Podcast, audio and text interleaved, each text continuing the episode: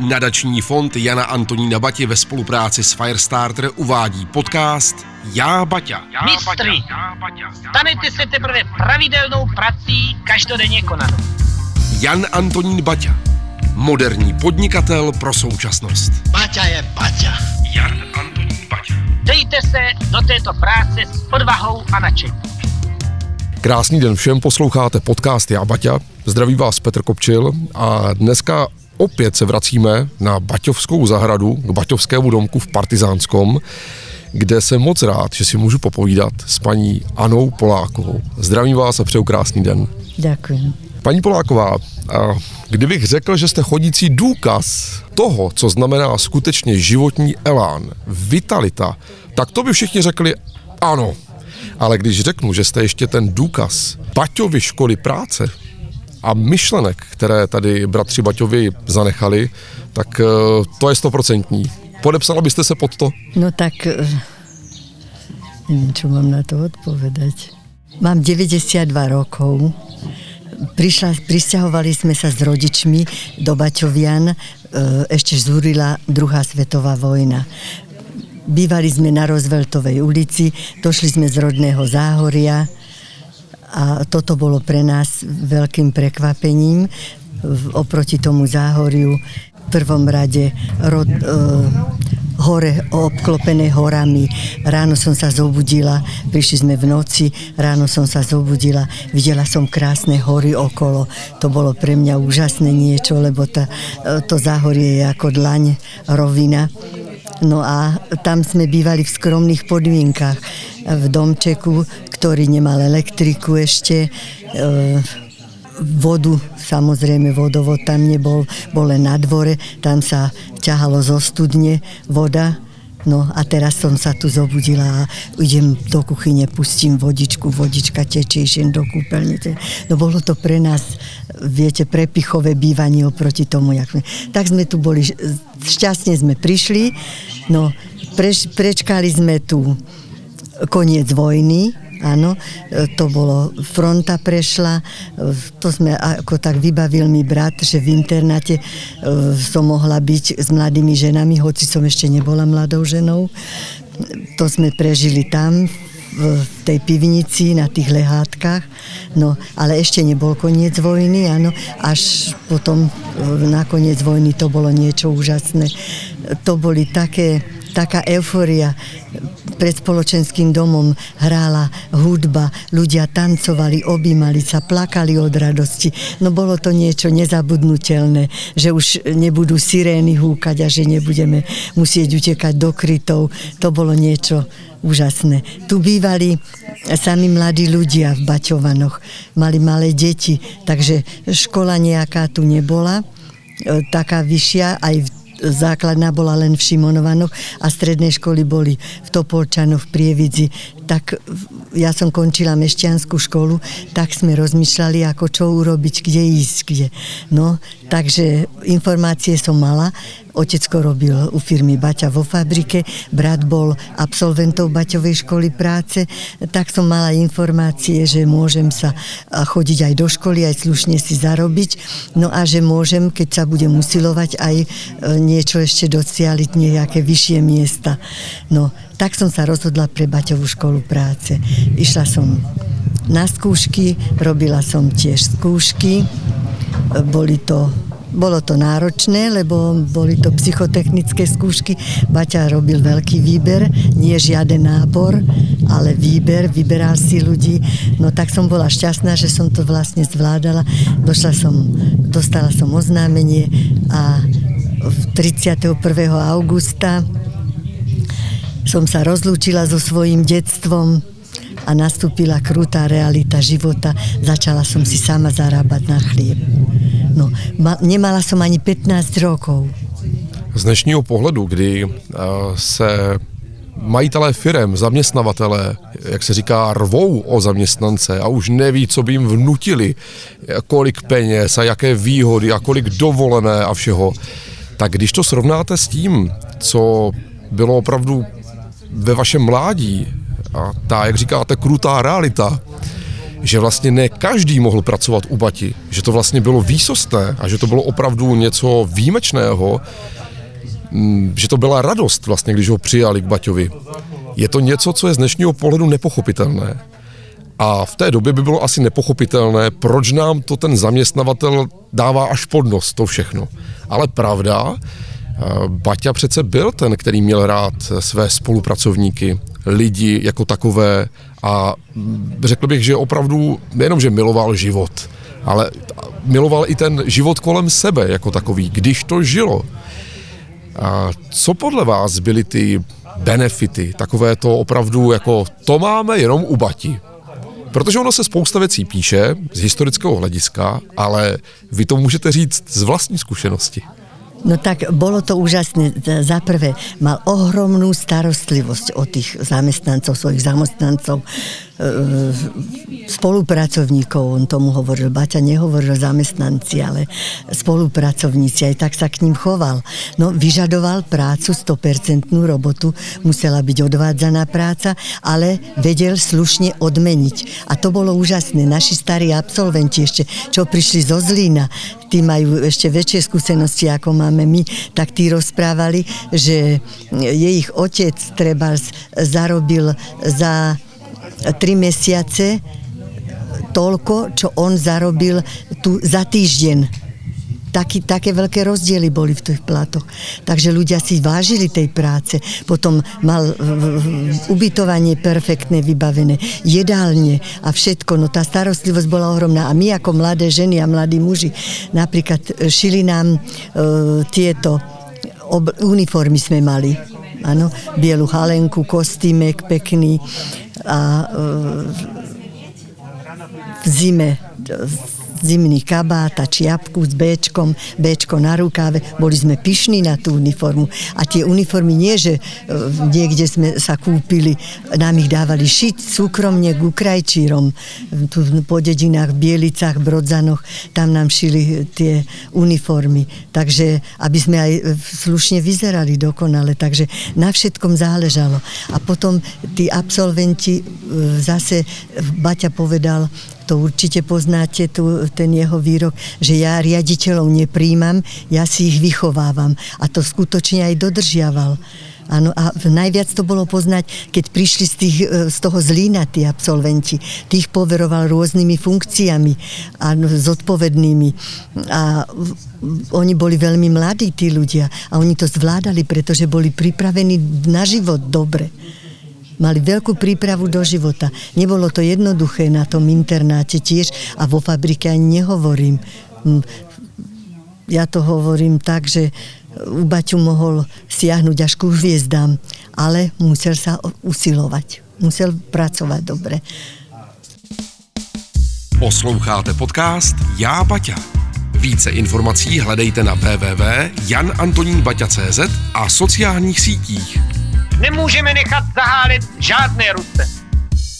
Radost vaše pro módu, pro oblékání vám ale zůstalo dodnes.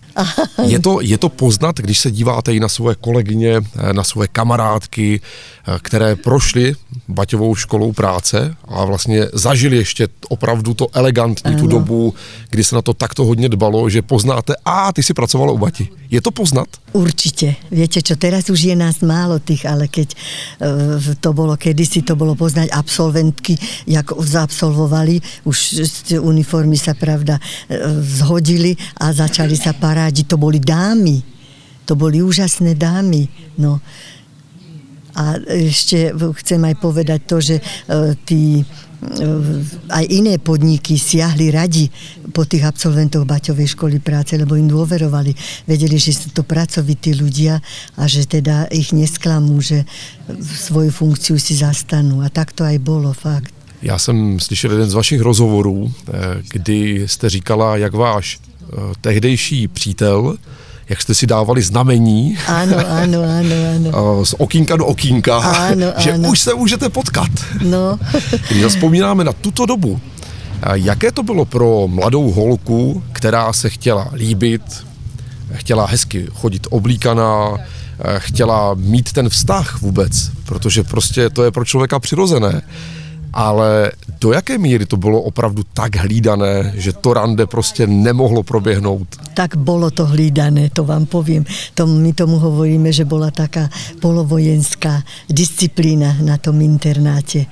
No, že sme nemohli s tými chlapcami chodiť už ani aj keď sme mali tanečnú školu treba, tak musela presne len tak do jej na že si vybral on tanečnicu No, takže takto to bolo. No ale viete čo, vtedy sme to pokladali ako krivdu, však ja to hovorím aj v tom medailoni, ale nakoniec sme pochopili, že to bolo. Boli to predsa deti 14, 14 a 16 ročné.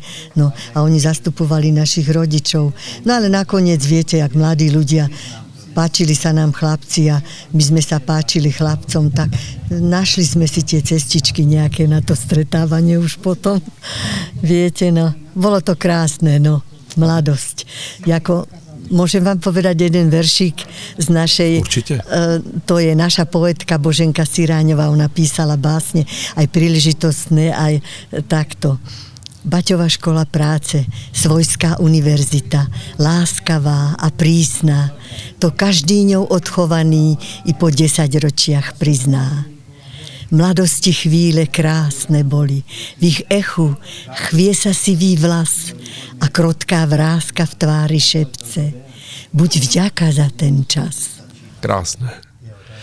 Mimochodem, já jsem před nějakýma třemi lety eh, slyšel písničku, kterou tehdy moje manželka nahrála v nemocnici, když chodila jako dobrovolník na LDN. Ano, ano, ano. U tehdy snad už stoleté paní a ona ji zaspívala, jak ona sama tomu říkala, že to byla Baťová hymna práce. Ano.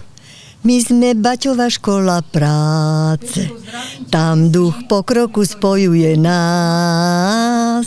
Chceme celému svetu slúžiť, úspech národu vydobiť raz a tak ďalej a tak ďalej. No to sme spievávali, to sme, viete, e, to všetko bolo organizované e, voľno, mimo fabriky a školy. E, sme pochodovali po, práve po tejto Červenej ulici a zpěvali jsme tieto pesničky. Kolik bylo takových písniček? Jestli si vzpomenete, jestli to byl nějaký zpěvník, nebo jestli existovalo něco takového? Jak to vznikalo? To nie, túto, túto sme ovládali všetci, to sme spievávali. Túto, my sme Baťová škola, to bola fakt hymna. A potom e, vystromečky okolo rajčianky a také tradičné slovenské ľudové pesničky sme spievávali. Nebol nejaký, no niektorí potom neskôr si sami urobili možno také. Potkala ste sa niekdy osobne s Janem Antonínem Baťou? Nie, nie, nie, s Janom nie. S Janom nie. Ja som sa stretla s mladým Baťom, áno, juniorom, e, ten tu bol po revolúcii, Stomíkem. ten sem prišiel, no tak ľudia, s Tomíkem, áno, ľudia ho veľmi vítali a tak, aj on bol srdečný. A potom raz bol aj na našej ustanovujúcej schôdzi po obnovení klubu, ktorý bol predtým zakázaný, pravda. No tak my sme sa strašne tešili na tie stretávky, viete. To ľudia, s ktorými sme prežili svoju mladosť, sme sa stretli, spomínali sme. V tých internátoch vznikali úžasné priateľstva na celý život. Fakt, no ešte v 90 som si písala s mnohými a potom už neskôr sme si iba telefonovali. No teraz už nás je málo, v každú chvíľu sa dozvieme, že niekto odišiel spomedzi nás. Snažíme sa žiť takým životom a poviem vám, že e, ten ten klub absolventov Baťovej školy, to je ako moja druhá rodina bez nich by mi bolo ťažko. Deti bývajú v Bratislave, nemôžem povedať, že by sa o mňa nestarali na všemu. Ja tam chodím, bola som na Vianoce, na Veľkú noc a vnúka mám takého dobrého, ten mi vodítko doniesol a tablet a všeličo, viete. Takže aby som mohla s nimi byť v kontakte. Starší syn je akademický maliar, tak ten tam dáva svoje obrazy a tak a ľudia mu na to reagujú. Tak to som strašne šťastná, že si to môžem vždy prečítať na mladší, ten je lekárom. No takže mám radosť z toho, že aj z tých detí. A tie deti, ešte toto poviem. mám tých 92 rokov, som šťastná, že som práve v tomto meste prežila takmer celý môj život, áno, z toho som šťastná a moje deti, naše deti teda, takisto milujú svoje rodné mesto. Radi sa sem vracajú a sú mi pyšné naň. No tak to ma, to ma nesmierne teší. Dámy a pánové, zavřete oči, otevřete uši. Je tady Jiří a jeho reklamní okénko. Křesťanský závod, výroba sodovky se zaručenou výtečnou jakostí, levné ceny. Antonín Baťa, rybárny číslo 2 v Uherském hradišti odporučuje svůj osvědčený závod obecenstvu a zvláště pánům hostinským, jak v městě, tak i na venkově. Sodovka Baťa, Baťovka, výrobky znamenité. Hmm, to šumíte. Sodovku Baťovku zakoupíte na www.1897.cs. Reklama skončila a nyní zpět ku poslechu podcastu šéfa Jana Antonina Batí. A když se zaměřím na jednu věc z toho, to je baťovská reklama. Dneska bychom řekli marketing, reklama. Ano, ano, ano. Jak jste vy vnímala eh, toto, toto baťovské v té době, když jste vlastně už byla opravdu u Bati? Ano. Jak to kolem vás vlastně na vás působilo? No tá reklama bola veľká, viete čo, a, a veľmi, a ešte ako dievčatku malému sa mi páčilo. To bolo niečo úžasné, keď som prišla do Baťovej predajne. To prostredie, o, o, pekne sa mnou zapodievali, áno, to pánočku mi vyskúšali, dokonca dostala som nejaké to pravítko, lebo šiltáčku, alebo také niečo.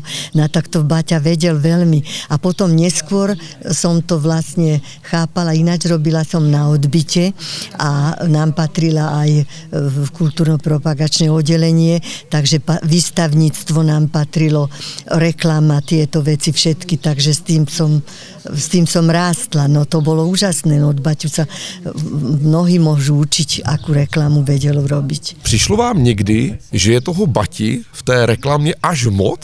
V tom čase nie. V tom čase nie. No, Baťové, do tej Baťovej predajne to bolo, hovorím, bolo to taký sviatok úplný. No. A vzpomenete si na něco, co by bylo třeba někde u silnice, čemu bychom dneska mohli říkat billboard nebo něco takového, ano, co dneska ano. je běžné, ano. že by už tehdy, to třeba kolem partizánského tak to bylo, co by lákalo na prodejnu Baťa nebo, Ale ano, nebo ano. něco jako pojď pracovat nějaké k Baťovi. plagáty, ano, nějaké plagáty mm-hmm. boli. No, to ano, to bolo. A druhým takovým silným odvětvím, kde to vnímám u Jana Antonína Bati, teď se nebavím o práci, ale o tom, kam toho člověka chtěl pozdvihnout, bylo umění. A právě to je jeden podle mě z nedokončených velkých projektů, i když ve Zlíně určitě pokračuje v tomto duchu. A to jsou vlastně eh, školy, ale už ne práce, ale právě se zaměřením na umění. Tak eh, jak se vás tady dotýkalo umění a kultura v partizánskom? Kino, divadlo, výstavy? Jak jste to vnímala tehdy jako mladý člověk? No Nebo tak, to byla jenom práce, práce a práce? Nie, nie, nie. On sa vedmi, jak sa vedel o, to, o tie športy, šport bol na prvom mieste, mm-hmm. viete čo. A tá kultúra takisto. Však vidíte, že e, kino, hneď sa postavilo kino, e, keď sa Baťovany budovali. Hneď postavil drevené kostolíky dva, jeden evanilický, jeden katolícky.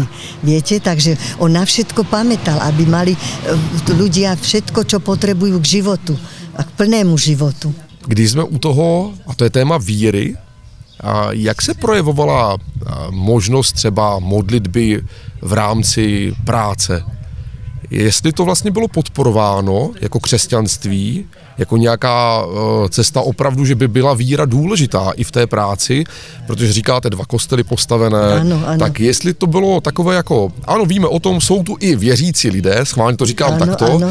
a nebo to bylo tak, že třeba jste zažila, že by se lidé společně sešli a pomodlili se k práci uh, za těchto časů? No pri práci viete čo ani nie, ale ináč v internáte nás viedli k tomu. Chodili sme pravidelne spoločne do kostola. O, o 10. bola omša, tak pekne toto v sprievode vychovávateľky išli sme do kostola pravidelne. Vážení posluchači, využívám této příležitost, abych vám řekl. Posloucháte podcast Já Baťa. Tož to nebyla prázdná slova určená pro senzaci. Říká se spousta věcí, že třeba kdyby dneska Baťa žil, že by ty baťovské domky už dávno nestály, že by je zboural a postavil něco, postavil něco modernějšího a tak dále. Jak se na to díváte vy? Myslíte, že by byl eh, tak progresivní, že by řekl postavím něco nového, lepšího, nebo že by byl tak spořivý a řekl by si, tož, už to stojí takových roků, nechám to stát dál. Áno, to ja si myslím, že by nechal. Za prvé je to história, áno, a za druhé, prečo by takéto, že to sa dá opraviť všetko a prečo by likvidoval, to by, to není baťovské, podľa mňa. On by staval ďalej, rozširoval by to, to verím, ale to, že by to búral, to, to pochybujem teda. No a ešte aj tie moje deti sú tak, e, ako všetkých baťovcov, e, sú tiež tak orientované. Áno, tiež že baťa ob, baťu obdivujú a tak. Napríklad môj syn je tiež e, aj s priateľkou je členom nášho klubu, teraz vnúčka aj vnúk vstúpili do toho, aj boli na tej výročnej schôdze so mnou, aj pravnúčka dokonca bola, aj hlasovala, aj tlieskala. Takže to baťovské zostáva aj v tých, v tých rodinách potom. Však mnohí toto čo vstúpili, je ich rodičia boli absolventi Baťovej školy, takže aj to, čo ja im rozprávam ako z histórie, to oni zrejme poznajú z rozprávania svojich rodičov, je im to dôverne známe. Určite v každej rodine to bolo a tieto veci, že čo nás naučila tá Baťová škola, no, naučila nás pracovitosti, zodpovednosti, naučila nás narábať so svojimi finančnými prostriedkami, ktoré sme si zarobili, aby sme si ich vedeli správne rozdeliť. Nemíňaj viac, ako z toho v tom desatore je dokonca aj. Nemíňaj viac, ako zarobíš. A naučila nás ešte láske k športu lebo sme športovali e, od mája do do septembra, do konca septembra sa bola rozcvička ráno, až potom sa išlo na internát všetko dať do poriadku, až potom sme išli do práce, lebo sa bodovalo, vychovateľky chodili a bodovali to. No a to o to sme nechceli, aby sme mali body strhnuté. Takže naučila nás, celý život ma sprevádzala tá, aj to, šetrenie, áno, vedieť si tie peniažky rozdeliť, obáločky, moje deti sa aj smiali, na obáločky pekne som rozdelila, čo na čo bolo a tak. No a ten šport, chodila som do telocvične, e, s deťmi sme po obede cvičili, večer sme chodili my dole telocvične. Cvičila som v Prahe na dvoch Spartakiadách, viete čo. Niektorí neuznávajú tú Spartakiadu a to, ale celý národ cvičil. Tak to bolo úžasné niečo, že sme ľudí do, do toho dostali, že cvičili, pohyb mali. A toto sme sa e, naučili my v Baťovej škole. A mali sme tie športové dni, športové slávnosti, tie boli v septembri, takže cez prázdniny sme nacvičovali ešte nejaké tie prostné, lebo tančeky, lebo čo už sa bolo. Raz sa pamätám, sme boli aj v Zlíne cvičiť. Tiež mám na to pekné spomienky. Ještě mi napadlo v Partizánskom ve městě, které Jan Antonín Baťa založil, byl někdy negativně vnímaný právě v těch začátcích, že byste slyšela, no jo, ale to všechno stejně vymyslel jeho bratr, on je takový jenom do počtu, nebo opravdu byl vnímaný z těch eh, řečí, jak jste slýchávala od spolužáků nebo od lidí na vašem pracovišti, že to vlastně je skutečně šéf, skutečně ten, ten pokračovatel Jan Baťa, myslíte, áno. No, tak my zvlášť, no, t- bol taký spor jeden čas, že Tomáš lebo Jan. Áno, lenže Tomáš, t- t- obidvaja sú. Tomáš je zakladateľ a Jan Baťa je na, e, nášho mesta zakladateľ nášho mesta. Už nežil, pravda, v 32. roku Tomáš Baťa sa zabil a nežil, takže Jan Baťa mi, ale rovnako si vážime obidvoch, lebo ten jeden to založil, ten je bol iniciátorom veľkým, no a on od neho preberal tie veci, no a už to Slovensko on vybudoval. Jan Baťa. My si nesmierne vážime obidvoch. Moc vám děkuji za povídání, No. ať se vám hodně daří, hlavně hodně zdraví, To vitality ešte, ešte trošku, ešte, bez- ešte sa mi nechce zomrieť. a těch baťovských sil. No, tých baťovských síl. Viete, čo máme jedného takého, to je aj náš sponzor, je to taký podnikateľ, finančník veľký a ten hovorí, keď sme mu povedali, že máme e, 40 ľudí sme mali e, okolo 90 tak chcel, ma- mali by sme pátrať, potom hovoril, že prečo títo ľudia tak dlho dožívajú. Či ten elán je v nich, lebo tá, tá pracovitosť, lebo neviem čo, no. Co byste chtěla vzkázat všem lidem, kteří um, toho svého baťu hledají, nebo ho našli, ale možná by si ho mohli vykládat špatně. Teraz je to moderné, teraz sa veľmi Baťa spomína a majú sa, myslím si, že sa majú oči, od neho čo učiť. Neviem, či by som ešte viac mohla povedať. Aj podnikatelia, myslím, že sa vracajú k Baťovi, aj to duálne vzdelávanie, aj takéto veci, že to bola veľmi dobrá vec a že osvedčené to bolo a že to začínajú pomaly preberať. Děkuji vám moc. A ja vám ďakujem pekne. Nech sa vám darí tiež. Jan Antonín Baťa, moderní podnikatel pro současnost. Baťa je Baťa. Jan Antonín Baťa. Podcast Já Baťa pro vás s radostí vyrobil Firestarter. Firestarter. Specialista na kreativní digitální obsah. Více informací hledejte na www.janantonínbaťa.cz a sociálních sítích. Děkuji vám, přáteli, děkuji vám za vaši práci, za vaši věrnost, za vaši důvěru.